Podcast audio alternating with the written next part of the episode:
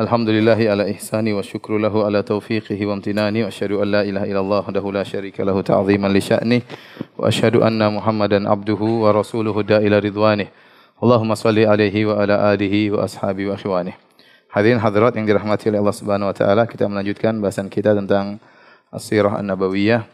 Pada pertemuan lalu kita telah menjelaskan tentang bagaimana Raja Najasyi ya radhiyallahu anhu yang begitu baik membela kaum muslimin di negeri Habasyah yang dipimpin oleh uh, Ja'far bin Abi Talib radhiyallahu taala anhu.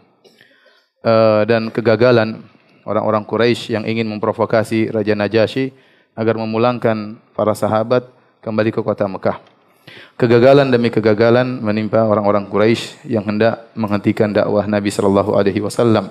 Berbagai metode, berbagai uslub telah mereka tempuh untuk menghalangi dakwah Nabi SAW dengan mengganggu fisik, dengan mengganggu mental para sahabat, ya. Kemudian juga mereka berusaha untuk merayu Abu Talib, ya. Akan tapi semuanya gagal. Bahkan kaum muslimin semakin bertambah dan semakin bertambah. Mereka melihat mulailah Islam tersebar di kabilah-kabilah. Kemudian mereka dikejutkan dengan uh, Hamzah yang masuk Islam, paman Nabi SAW. Kemudian mereka dikejutkan pula dengan Umar bin Khattab yang masuk Islam. Oleh karenanya mereka akhirnya berkumpul dan bermusyawarah. Akhirnya mereka membuat makar, yaitu mereka hendak memboikot uh, Nabi Shallallahu Alaihi Wasallam dan mengisolasi Nabi Shallallahu Alaihi Wasallam. Ya, mereka membuat kesepakatan. Kemudian mereka menulis kesepakatan tersebut di suatu kertas di mana mereka akan memboikot Bani Hashim dan Bani uh, Abdul Muttalib ya. Bani Hashim itu. Kita ulangi, uh, kita ingatkan kembali Nabi SAW namanya Muhammad bin Abdullah bin Abdul Muttalib bin Hashim bin Abdi Manaf bin Qusay bin Kilab dan seterusnya. Jadi uh, semuanya Bani Hashim itu adalah Ahlul Bait. Semua Bani Hashim adalah Ahlul Bait. Ahlul Bait tidak terbatas kepada keturunan Nabi SAW saja tetapi seluruh Bani Hashim adalah Ahlul Bait. Oleh karenanya terkadang kita dapati Ahlul Bait dari jalur cucu-cucu Nabi SAW dan kita dapati juga Ahlul Bait dari jalur keturunan Al-Abbas bin Abdul Muttalib paman Nabi sallallahu alaihi wasallam. Maka mereka sepakat orang-orang Quraisy selain dari Bani Hashim dan Bani Abdul Muttalib, mereka bersepakat untuk memboikot Bani Hashim dan Bani Abdul Muttalib. Yaitu kesepakatan tersebut yaitu tidak boleh uh, menikahkan dari seorang pun dari uh, Bani Hashim dan Abdul Muttalib. Dan juga kalau mereka ada yang melamar maka tidak boleh diterima lamarannya. Kemudian tidak boleh berjualan sesuatu pun kepada Bani Hashim dan kepada Bani Abdul Muttalib. Demikian juga ya tidak boleh membeli sesuatu pun dari Bani Hashim dan Bani Abdul Muttalib. Ya, kemudian tidak boleh duduk-duduk bersama mereka. Tidak boleh bercampur dengan mereka. Tidak boleh mengucapkan salam kepada kepada mereka, ya. Dengan syarat ini semua akan digagalkan jika mereka menyerahkan Rasulullah sallallahu alaihi wasallam. Demikian pemboikotan yang mereka lakukan karena mereka sudah gagal dalam segala metode yang mereka tempuh. Akhirnya mereka berkumpul dan mereka sepakat mereka tulis suatu lembaran kemudian mereka tempelkan atau mereka gantung lembaran kesepakatan mereka tersebut ya yang tertera mereka letakkan dalam dalam Ka'bah. Ya mereka gantungan dalam Ka'bah. Ya. Disebutkan penulis yang menulis perjanjian tersebut namanya Mansur bin Ikrimah. Ya bin Amir bin Hashim bin Abdi Manaf dari Bani Abdiddar ya kemudian disebutkan juga dalam sebagian riwayat ya bahwasanya orang ini akhirnya uh, lumpuh kedua atau lumpuh tangannya karena didoakan oleh Nabi sallallahu alaihi wasallam. Tatkala Abu Talib, paman Nabi, melihat orang-orang Quraisy sudah bersatu padu untuk mencelakakan ponakannya Muhammad sallallahu alaihi wasallam, maka dia pun berkeliling uh, kepada Bani Hashim, kepada Bani Abdul Muttalib. Kemudian dia menyuruh agar Bani Hashim dan Abdul Muttalib bersatu padu untuk membela Muhammad sallallahu alaihi wasallam. Ya. Dan mereka semua sepakat karena mereka dan dan, dan kesepakatan tersebut baik Bani Hashim yang sudah Islam maupun yang masih kafir. Yang masih kafir ikut membela karena hamiyah yaitu karena membela kesukuan. Ini Muhammad dari suku kita. Bagaimana kabilah-kabilah yang lain ingin membunuh Muhammad? Bagaimana kabilah-kabilah yang lain ingin merendahkan Muhammad? Maka karena fanatik kesukuan akhirnya seluruh Bani Hashim dan seluruh Bani Abdul Muttalib membela Muhammad sallallahu alaihi wasallam. Seluruhnya karena fanatik terhadap suku. Kecuali satu yang tidak membela Muhammad yaitu siapa? Abu Lahab. Abu Lahab juga paman Nabi dari Banu Abdul Muttalib. Kemudian akhirnya mereka semua berkumpul dan mereka tinggal di suatu tempat namanya Syaib Abi Talib. Syaib Abi Talib. Syaib itu suatu tempat seperti suatu jalan di antara dua bukit atau dua gunung yang dijadikan tempat tinggal. Akhirnya mereka berkumpul di situ dan mereka tinggal tinggal di situ. Dan disebutkan Abu Talib sangat khawatir dengan ponakannya Muhammad sallallahu alaihi wasallam. Kalau sudah tiba malam hari, maka dia uh, uh, minta agar Muhammad tidur di samping dia atau dekat dengan dia dia khawatir kalau ada serangan tiba-tiba malam hari kepada ponakannya Muhammad sallallahu alaihi wasallam. Demikian juga terkadang kalau sudah tiba malam hari maka Abu Talib menyuruh Nabi SAW tidur di salah satu tempat tidur dari saudara-saudaranya. Adapun saudara yang tersebut tidur di tempat tidurnya Rasulullah sallallahu alaihi wasallam menjaga-jaga jangan sampai ada serangan di malam hari. Mulailah berjalan pemboikotan dan ini sangat berpengaruh bagi Bani Hashim ya, mereka menghadapi kesulitan yang sangat berat ya, kesulitan yang sangat sangat berat. Dan ini berlangsung selama tiga tahun ya. Sehingga akhirnya tidak ada makanan yang sampai kepada mereka. Ada orang datang jualan ya, tidak bisa mereka beli dari orang-orang tersebut. Kenapa dihalangi oleh orang-orang Quraisy? Bahkan ada pedagang yang datang dari luar ingin berjualan kepada Bani Hashim dan Bani uh, Abdul Muttalib, maka datang Abu Lahab Abu Lahab berkata, "Qalu ala ashabi Muhammadin la yudriku ma'akum syai'an wa ana adfa' lakum adha'afan mudha'afah." Kata Abu Lahab kepada para pedagang, naikkan harga barang kalian kepada pengikut Muhammad. Naikkan barang kalian supaya mereka tidak bisa beli sesuatu pun dari kalian. Nanti kalau mereka tidak beli, saya yang beli. Saya akan beri keuntungan bagi kalian keuntungan yang berlipat ganda. Akhirnya sebagian dari Bani Hashim dan Bani Abdul Muttalib tatkala ingin beli barang, ternyata mereka dapati harga barang terlalu mahal sehingga mereka tidak mampu untuk beli barang-barang tersebut, tidak mau beli bermakanan, tidak mau beli makanan, akhirnya mereka pulang bertemu dengan anak-anak mereka dan keluarga mereka sementara anak-anak mereka yatadagaun yaitu menangis karena kelaparan. Tidak ada suatu pun yang bisa beri, mereka bisa beri, bisa mereka berikan kepada anak-anak mereka karena para pedagang telah diblok oleh siapa? Abu Abu Lahab. Sampai terdengar tangisan anak-anak di balik Syi'ab, di balik bukit terdengar tangisan-tangisan anak-anak dari uh, Bani Hashim dan anak-anak dari Bani Abdul Muttalib. Akhirnya mereka terpaksa makan daun-daun pohon dan juga mereka terpaksa makan kulit-kulit ya. Mereka makan kulit dikeringkan, mereka makan sampai di antara mereka akhirnya ada yang meninggal tidak kuat berhadapan dengan kondisi demikian. Abu Nuaim, Abu Nuaim dalam Hilyah ya, meriwayatkan dari Sa'ad bin Abi Waqqas radhiyallahu anhu. Beliau berkata, "Kharajtu minal lail abul." Ya. Suatu hari aku keluar, dia ber, dia bersama dalam syi'ib terkepung ter, terisolir dalam syi'ib tersebut, tempat tersebut, maka suatu hari dia keluar, dia hendak buang air kecil. Wa idza ana asma'u biqaqatin tahta bauli. Waktu saya kencing, tiba-tiba saya dengar air kencing saya mengenai sesuatu berbunyi tak tak tak. Fa idza qit'atu jildin ba'ir. Ternyata saya mengencingi uh, tulang apa namanya kulit onta. Fa akhadhtuha. Nah, ini rupanya makanan.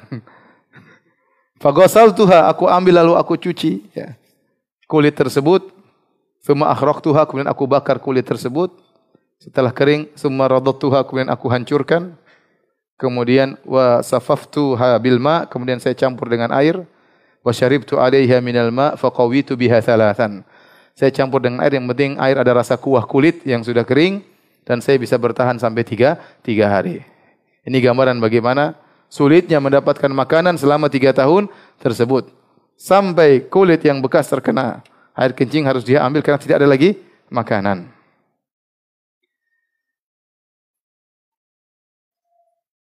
Hal ini ya e, menyenangkan orang-orang Quraisy tatkala mereka tahu bahwasanya Ya, tidak ada yang bisa beri bantuan kepada Bani Hashim dan Bani Abdul Muttalib yang terisolir dalam syi'ib tersebut. Kalau ada yang ingin memberi bantuan, maka akan beri bantuan dengan diam-diam. Ada dari orang-orang Quraisy yang tidak tega. Mereka kafir, tapi mereka tidak tega. Masa Muhammad ini kan kerabat kita. Dia dari Bani Hashim, Quraisy, ya. Bagaimana kita tega membiarkan kerabat kita seperti tidak makan, tidak minum, kesulitan, kehausan, kelaparan, anak-anaknya menangis, banyak yang meninggal. Akhirnya di antara mereka ada yang memberi bantuan secara diam-diam. Di antara orang-orang kafir yang memberikan bantuan secara diam-diam adalah Hakim bin Hizam. Hakim bin Hizam radhiyallahu anhu waktu itu masih kafir. Hakim bin Hizam adalah ponakannya Khadijah.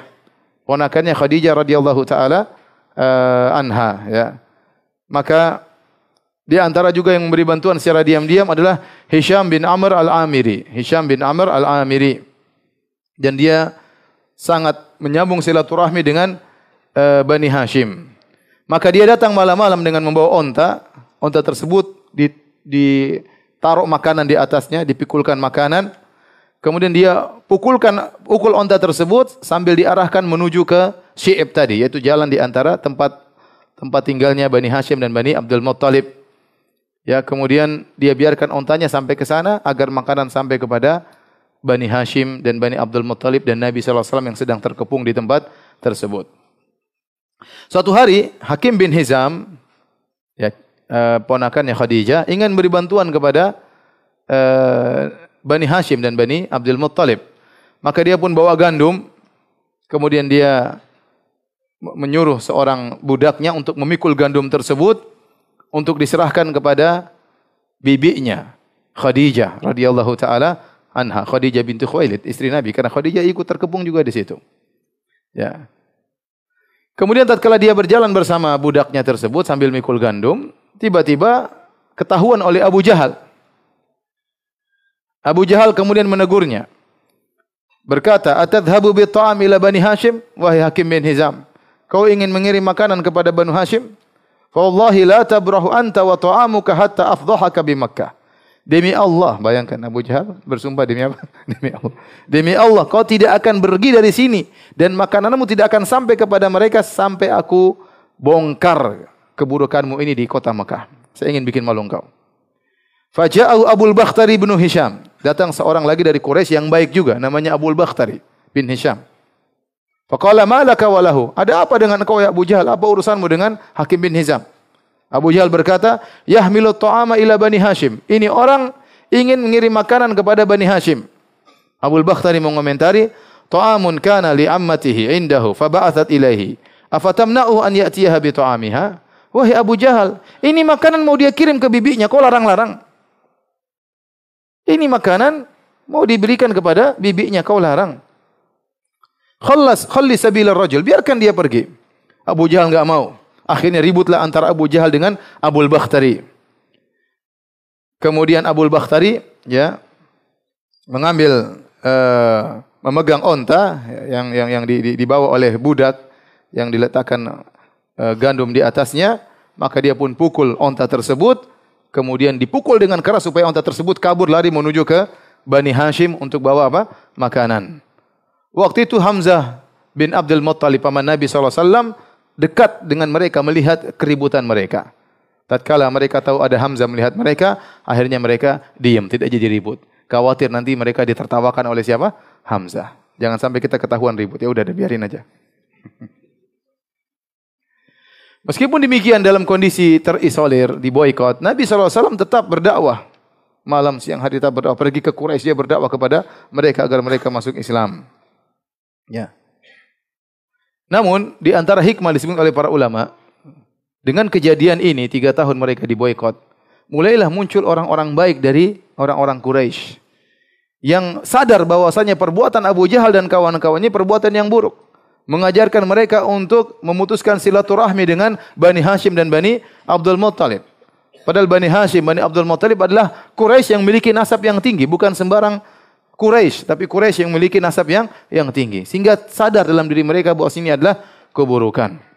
Di masa pemboikotan tersebut, lahirlah Habrul Ummah, ya, yang dikenal dengan orang alimnya, ya kaum muslimin, umat ini, yang dikenal dengan ahli tafsir, dialah Ibnu Abbas radhiyallahu taala anhuma. Jadi Ibnu Abbas lahir di tatkala masa pemboikotan tersebut.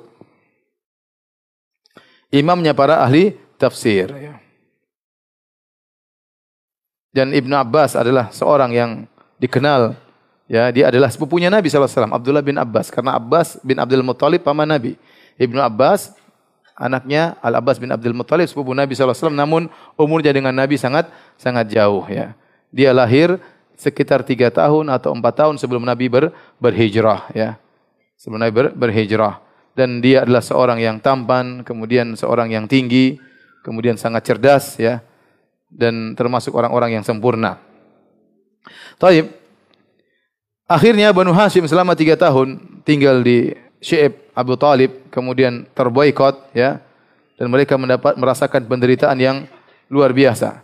Akhirnya sebagian orang-orang Quraisy yang hatinya masih ada kasihan sama Bani Hashim. Padahal mereka orang kafir. Dan mereka tahu ini tidak tidak baik seperti ini. Ya. Hati mereka masih masih ada dan mereka tahu ini perbuatan yang buruk. Akhirnya mereka mulai berpikir bagaimana agar pemboikotan ini, pemutusan silaturahmi ini bisa selesai, bisa berhenti. Yang paling depan dalam hal ini adalah Hisham bin Amr. Hisham bin Amr yang tadi mengirimkan makanan malam-malam kepada Bani Hashim. Ya. Dia memiliki kekerabatan dengan Bani Hashim. Dan dia adalah orang yang mulia di kaumnya dan dia telah berusaha untuk membantu Bani Hashim tatkala di hari-hari mereka diboykot. Maka dia berpikir bagaimana agar perkara ini bisa selesai. Maka berjalanlah dia Hisham bin Amr Al-Amiri, dia berjalan menuju seorang bernama Zuhair bin Abi Umayyah Al-Makhzumi. Zuhair bin Abi Umayyah Al-Makhzumi dari kabilahnya Abu Jahal karena Abu Jahal dari Banu Makhzum.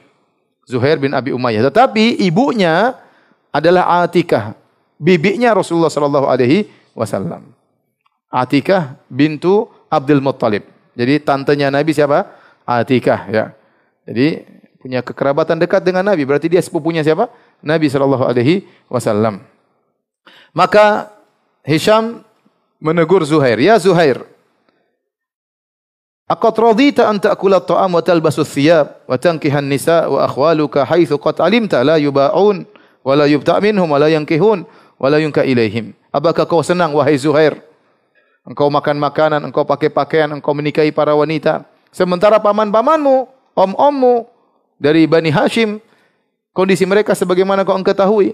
Mereka tidak bisa beli barang, mereka tidak bisa menjual barang, mereka tidak bisa menikah dan mereka tidak bisa menikahkan. Ama ini ahlifu billah. Lau kanu akhwala Abil Hakam bin Hisham, thumma da'utu ila mithli ma da'aka ilahi minhum, ma ajabukum ilahi abada. Kemudian Hisham memprovokasi Zuhair. Wahai Zuhair, demi Allah saya bersumpah. Seandainya kejadian ini menimpa Abu Jahal, kemudian ya engkau menyuruh Abu Jahal untuk memboikot paman-pamannya, Abu Jahal tidak akan nurut sama engkau.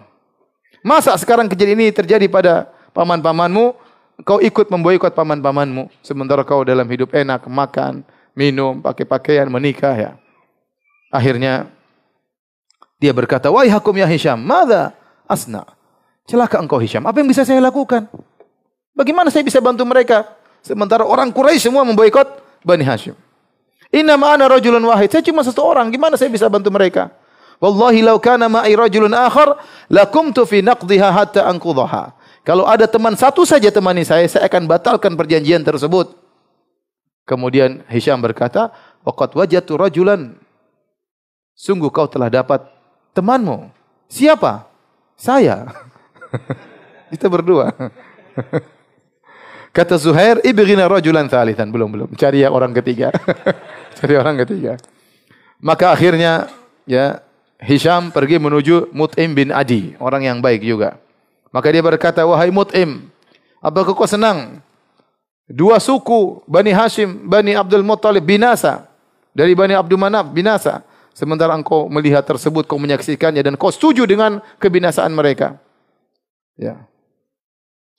Kemudian sama dia berkata, "Wahai haka, famadza asna?" Celaka engkau, apa yang bisa aku lakukan? Inna ma'ana rajulun wahid, cuma sendiri. Kemudian kata Hisham, "Qad wajatu thaniyan." Kau sudah mendapati orang kedua.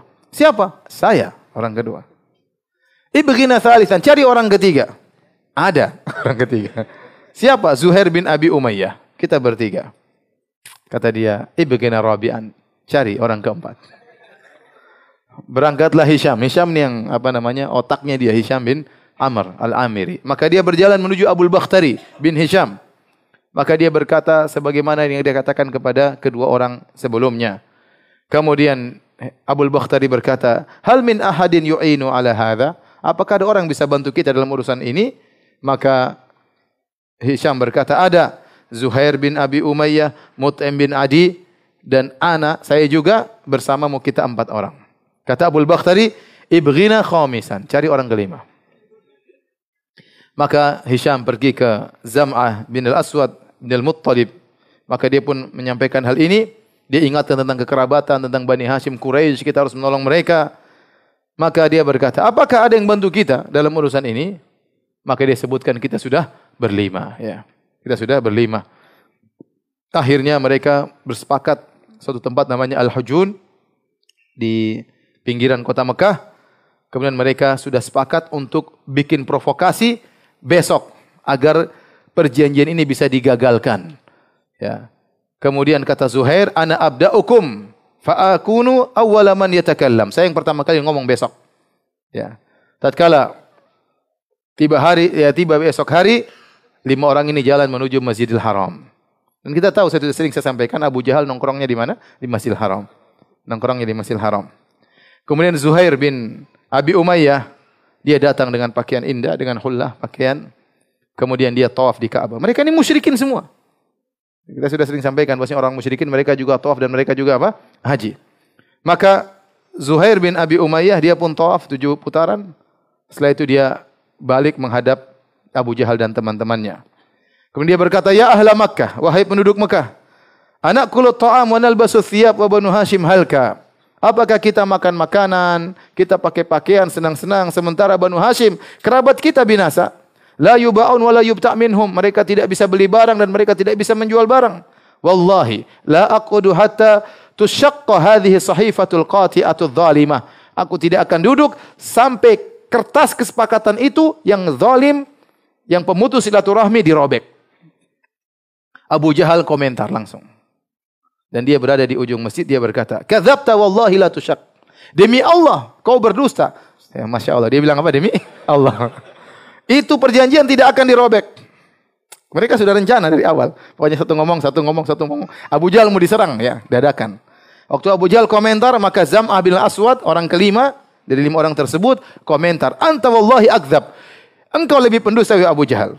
Ma radina kitabaha haitsu kutibat kami sesungguhnya tidak ridho dengan tulisan tersebut, dengan perjanjian tersebut. Zam'ah komentar, Abu Bakhtari komentar. Sodaka Zam'ah, Zam'ah benar. Kami tidak ridho dengan tulisan tersebut. Mutim bin Adi komentar lagi. Benar, kalian berdua benar. yang dusta yang mengingkari hal ini. Ya. Kemudian ya Hisham bin Amr kemudian komentar juga. Abu Jahal pintar. Dia berkata, Hada amrun qudhiya bil lail tushuwira fihi fi ghairi hadzal makan. Ini sudah direncanakan ini. Tadi malam mereka sudah musyawarah ini rencana sebenarnya Abu Jahal. Abu Jahal orangnya apa?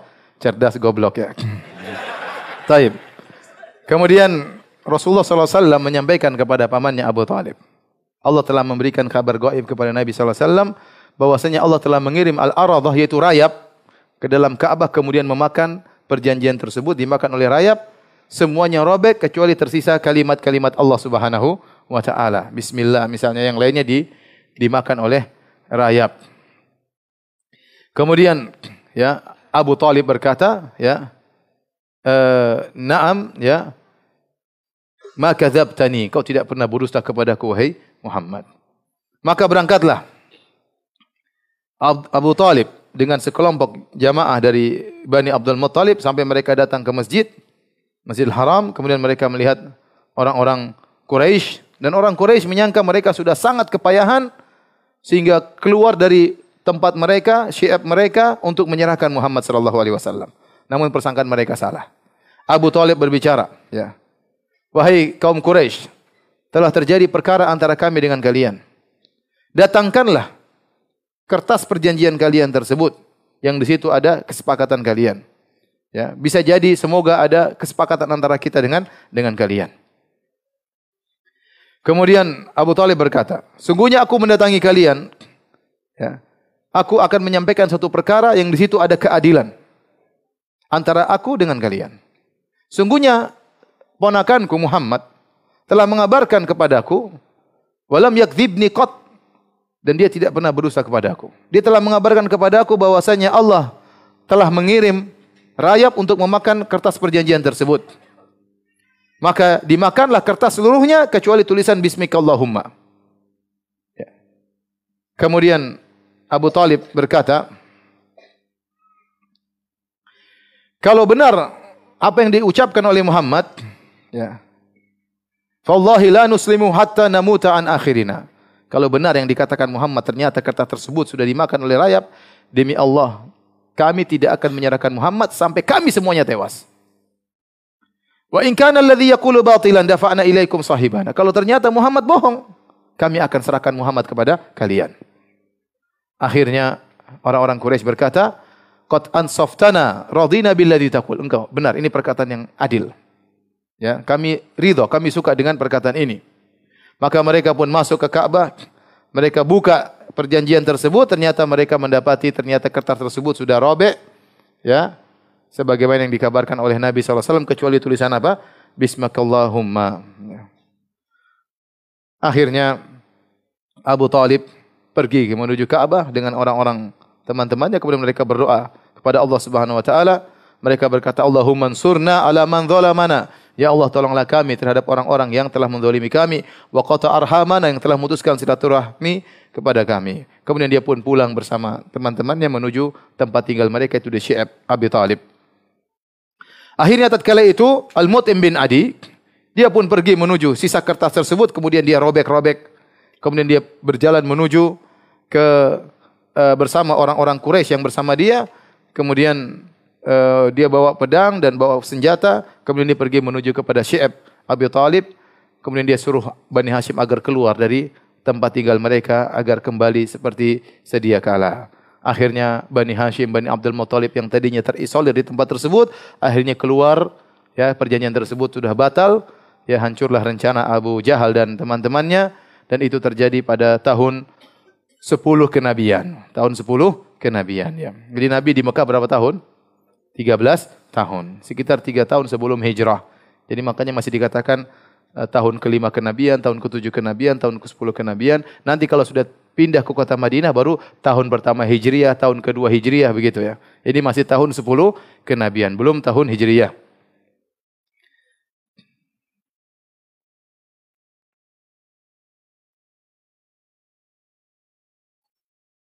Taib hadirin dan hadirat yang dirahmati oleh Subhanahu wa taala. Setelah itu tidak lama terjadi kejadian yang sangat menyedihkan Nabi sallallahu alaihi wasallam yaitu wafatnya pamannya Nabi sallallahu alaihi wasallam yaitu Abu Talib. Abu Talib meninggal dunia.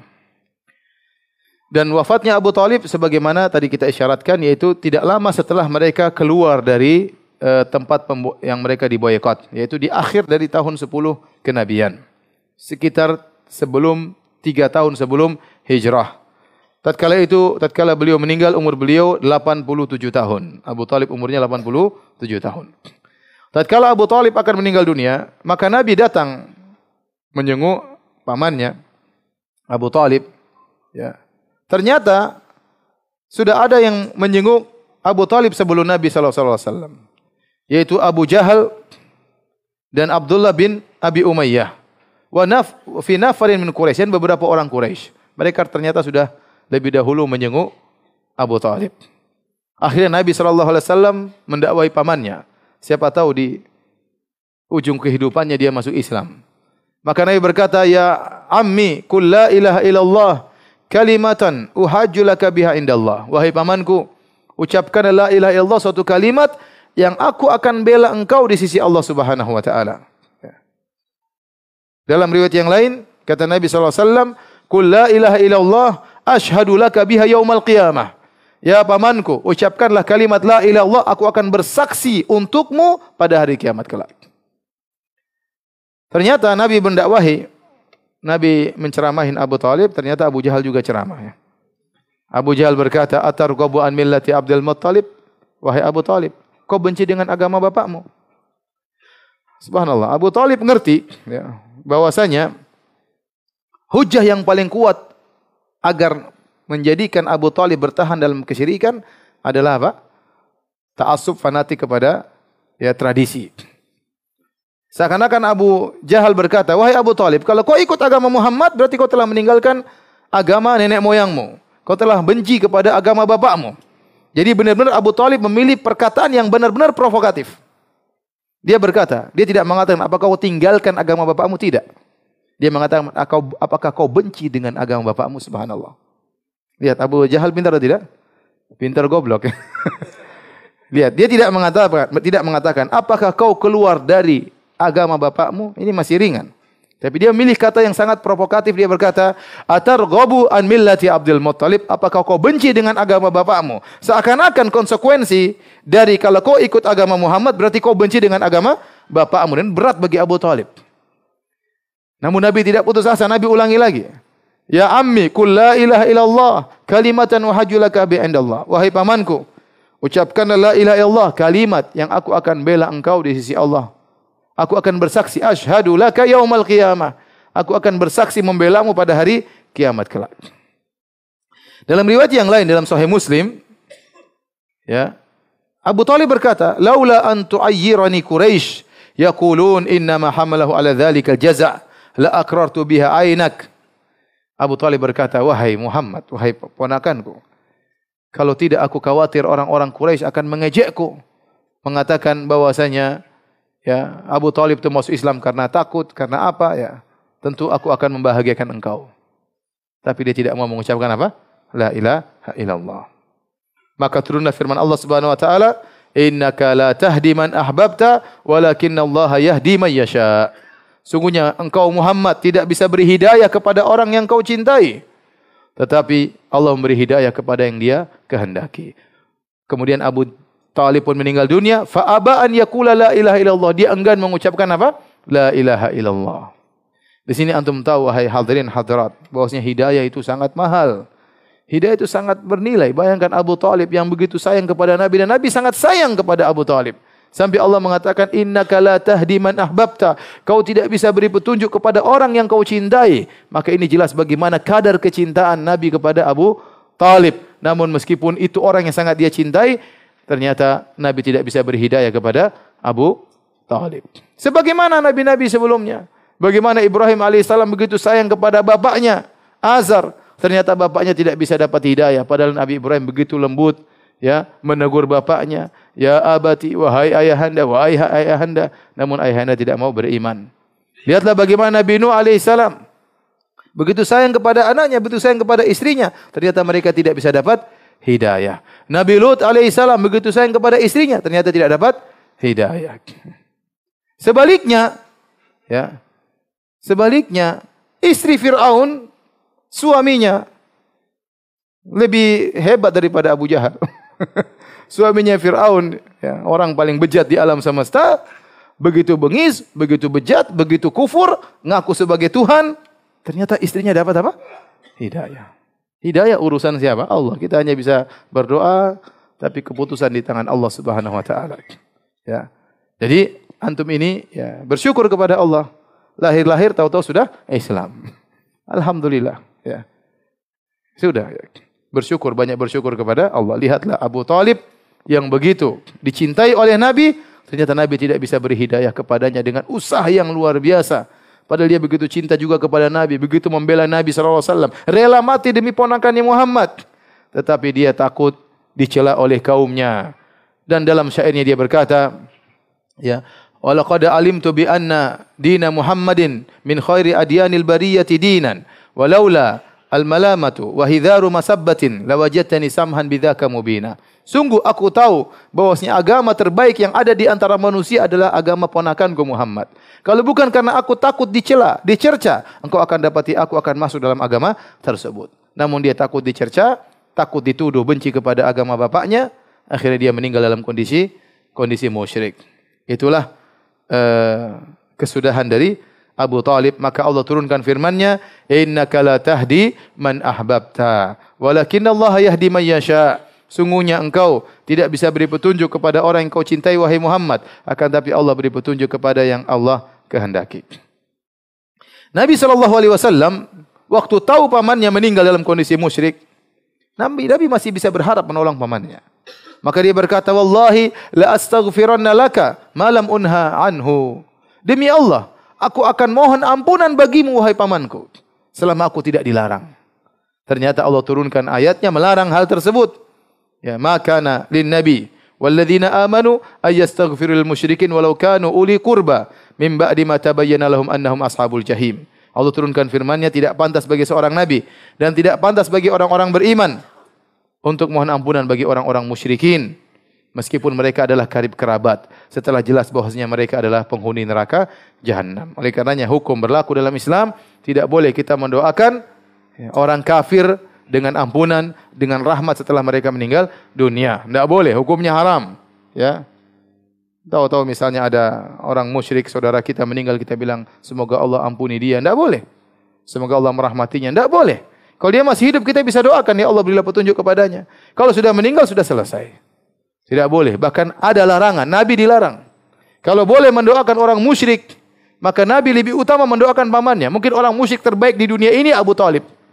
Kalau saya boleh katakan orang musyrik terbaik di dunia ini, Abu Talib. Bagaimana tidak baik? Dia rela mati membela Muhammad sallallahu alaihi wasallam. Dia punya peran besar dalam mengembangkan dakwah Islam di awal Islam.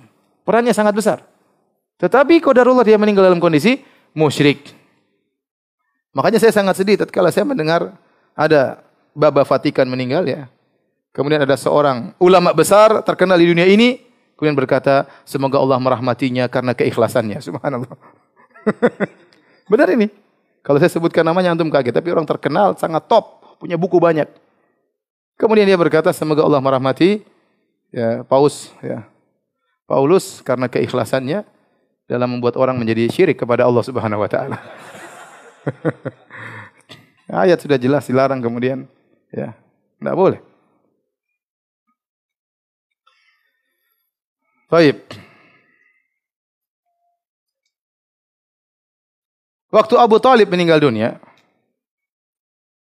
datanglah Abu uh, Ali bin Abi Talib datang kepada Nabi. Kata Abu, kata Ali bin Abi Talib dalam Sunan Abi Daud dengan sanad yang hasan, dia berkata, "Lama mata Abu Talib."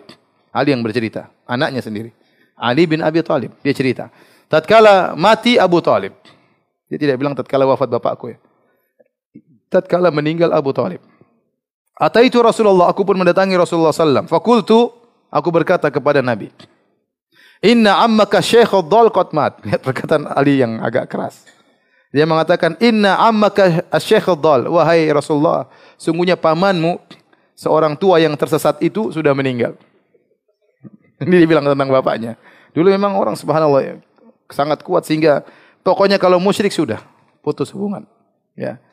Maka Kata Nabi SAW, Idhab fawari abak. Nabi dengan kata-kata lembut. Pergilah engkau wahai Ali, kubur bapakmu. Nabi sayang kepada Abu Talib. Cuma dia musyrik. Kata Ali, enggak. Innahu mata kafiran. Dia meninggal kafir. Saya tidak mau kuburin. Kata Nabi SAW, Idhab fawari. Pergilah dan kuburkanlah dia. Thumma la tuhdithanna syai'an hatta ta'tiyani. Dan jangan bikin macam-macam. Kuburkan terus datang kepadaku. Kata Ali bin Abi Talib, fawaraituhu Thumma ji'tuhu ya. Maka aku pun datang menemui Nabi setelah menguburkannya.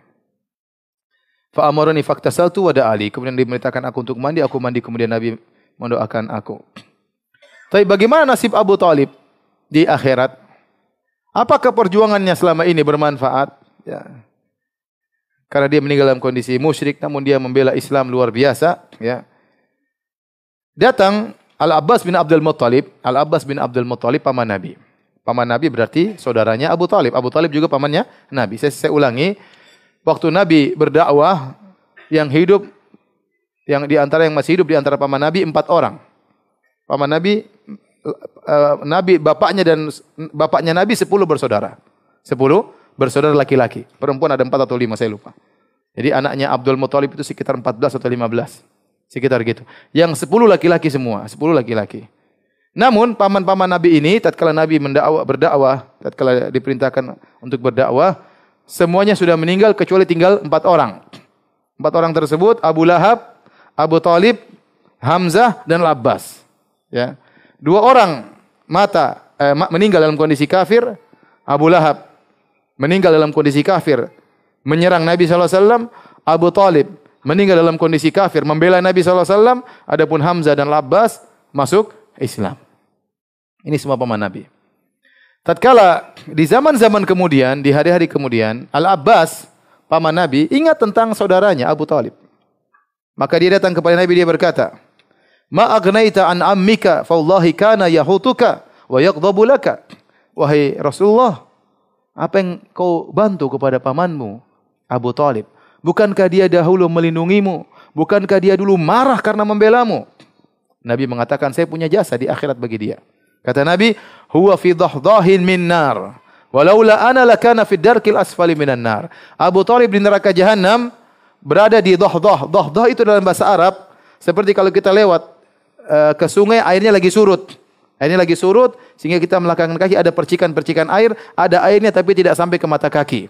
Itu namanya dalam bahasa Arab dahdah. Artinya apa?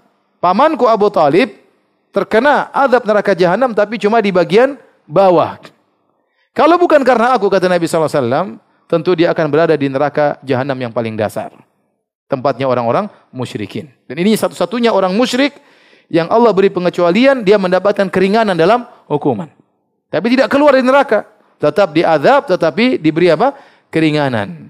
Sebagai bentuk penghormatan kepada Nabi SAW syafaatnya kepada paman yang meninggal dalam kondisi musyrik, dia azab dengan azab yang paling ringan. Dalam riwayat yang lain, ini hadis Al-Abbas bin Abdul Muttalib. Dalam hadis yang sahih Muslim, sahih Bukhari juga dari Abu Sa'id Al-Khudri, annahu sami'a an-nabi sallallahu alaihi wasallam wa dzukira indahu ammahu. Dzukira indahu ammuhu. Dia mendengar Nabi tatkala disebutkan tentang pamannya Abu Talib, maka Nabi berkomentar. Nabi berkata, "La'allahu tanfa'uhu syafaati yaumal qiyamah." Semoga syafaatku bermanfaat baginya pada hari kiamat kelak. Fayuja'alu fi dhahdahi minan nar. Maka dia diletakkan di api yang ringan yaitu cuma terkena uh, alas atau terkena kakinya. Ya belugu ka'baihi yaghli minhu dimaguhu. Api yang hanya sampai pada mata kakinya namun otaknya mendidih. Kemudian juga hadis ini diriwayatkan dalam sahih Muslim dari Ibnu Abbas. Ibnu Abbas berkata, ahwanu dari Nabi SAW bahwasanya Rasulullah SAW bersabda ahwanu ahli nar adaban Abu Talib. Orang yang paling ringan azabnya di neraka jahanam siapa? Abu Talib. Wa huwa munta'ilun bin na'laini yaghli minhuma dimaguhu. Dia menggunakan sendal dari neraka jahanam membuat otaknya mendidih. Dan hadis-hadis tentang diazabnya Abu Talib dalam neraka jahanam diriwayatkan oleh banyak sahabat ya oleh banyak sahabat ya di antaranya Al-Abbas bin Abdul Muttalib, saudara kandungnya sendiri. Di antaranya Ibnu Abbas, ponakannya sendiri. Di antaranya Abu Said Al-Khudri, di antaranya Abu Hurairah. Ada banyak hadis. Karena belakangan ini muncul sebagian orang yang meragukan hal ini, ingin membuat keraguan. Kata mereka, ya Abu Talib masa meninggal dalam kondisi musyrik. Ya. Abu Talib masa membela Islam kemudian mati dalam kondisi kafir. Hadis-hadis dalam Sahih Bukhari, Sahih Muslim apa? Doif katanya. Gimana doif? Sahih Bukhari, Sahih Muslim. Gimana doif yang meriwayatkan sahabat banyak? Ya. Ya. Bukan cuma satu sahabat, banyak sahabat yang meriwayatkan hal tersebut. Ya. Sampai orang-orang Syiah seperti Atoba, uh, Atoba Tobai dalam tafsirnya, Syiah menyatakan Abu Talib meninggal dalam kondisi apa? Islam. Dia mengatakan Abu Talib meninggal dalam kondisi Islam, bahkan surganya lebih tinggi daripada muhajirin dan ansar, kata dia. Kenapa? Dia tidak ingin menyatakan ada ya paman Nabi yang ahlul bait yang meninggal dalam kondisi musyrik. Dan ini tidak tidak bisa berjalan. Taruhlah kalau memang Abu Talib itu masuk meninggal dalam kondisi Islam, tetap saja ada ahlul bait yang meninggal kafir. Contohnya Abu Lahab. Jadi kaidah bahwasanya seluruh keturunan Nabi itu pasti Islam itu enggak benar. Makanya Asy-Syaukani membantah dalam tafsirnya betapa banyak keturunan Nabi yang benar-benar saleh dan betapa banyak yang kafir. Contoh, Seluruh orang Yahudi keturunan dari siapa? Nabi Yakub alaihissalam. Semua orang Yahudi keturunan siapa? Nabi Yakub. Apakah semuanya orang-orang soleh? Bajingan-bajingan sekarang mereka seluruhnya. Ya. Tidak semua keturunan Nabi kemudian pasti maksum, terjaga dari kesalahan. Contohnya anaknya Nabi Nuh. Nabi Nuh, Nabi anaknya apa? Kafir. Atasnya juga bisa jadi kafir. Ibrahim, bapaknya apa? kafir. Kemudian Nabi Ismail alaihissalam punya keturunan namanya kaum Quraisy. Semua kaum Quraisy keturunan Nabi siapa? Ismail. Semua Quraisy adalah keturunan Nabi Ismail. Apakah semua Quraisy baik? Abu Jahal Quraisy ya. Abu Lahab Quraisy dan mereka di neraka jahanam. Jadi tidak syarat bahwasanya seorang nabi bawahnya harus maksum, atasnya harus benar juga. Tidak ada syaratnya. Akhirnya mereka mencoba untuk menakwil. Kata mereka Ibrahim yang kafir itu bukan bapaknya, pamannya. Gak mungkin Ibrahim dari keturunan apa? Kafir. Terus Nabi Nuh itu bukan anaknya, ponakannya. Repot kan gitu.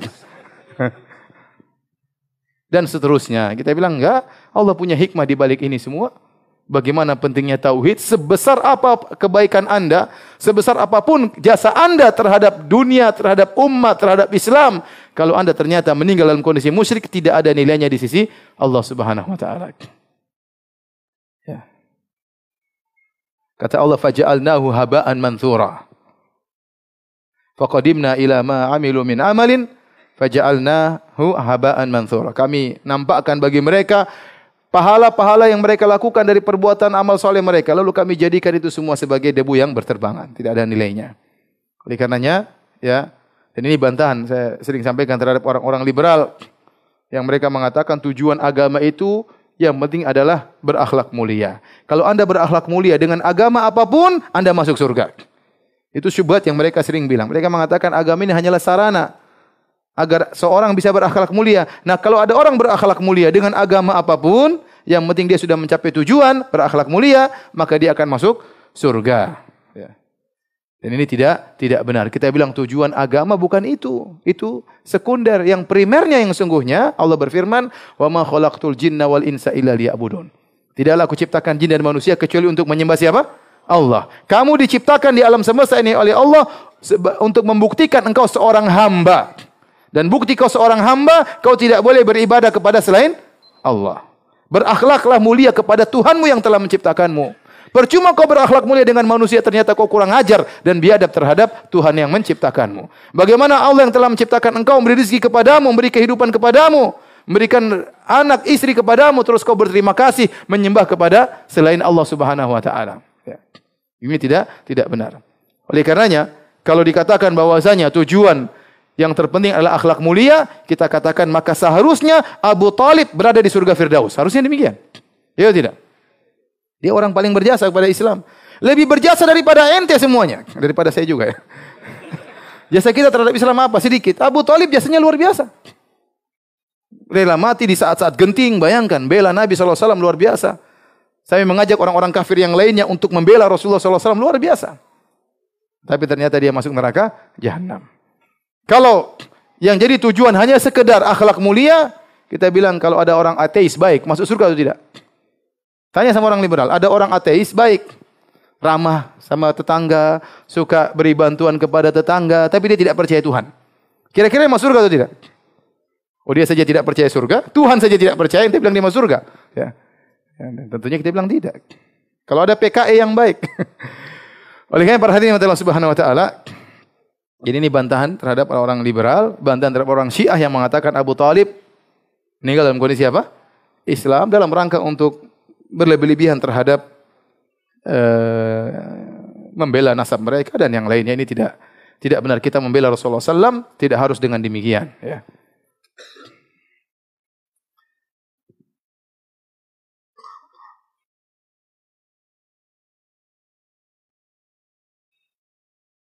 Baik, selanjutnya kita akan bahas tentang uh, peristiwa berikut tentang wafatnya Khadijah radhiyallahu taala anha, tapi insyaallah kita Waktunya sudah habis, kita lanjutkan pada pertemuan berikutnya insyaallah taala.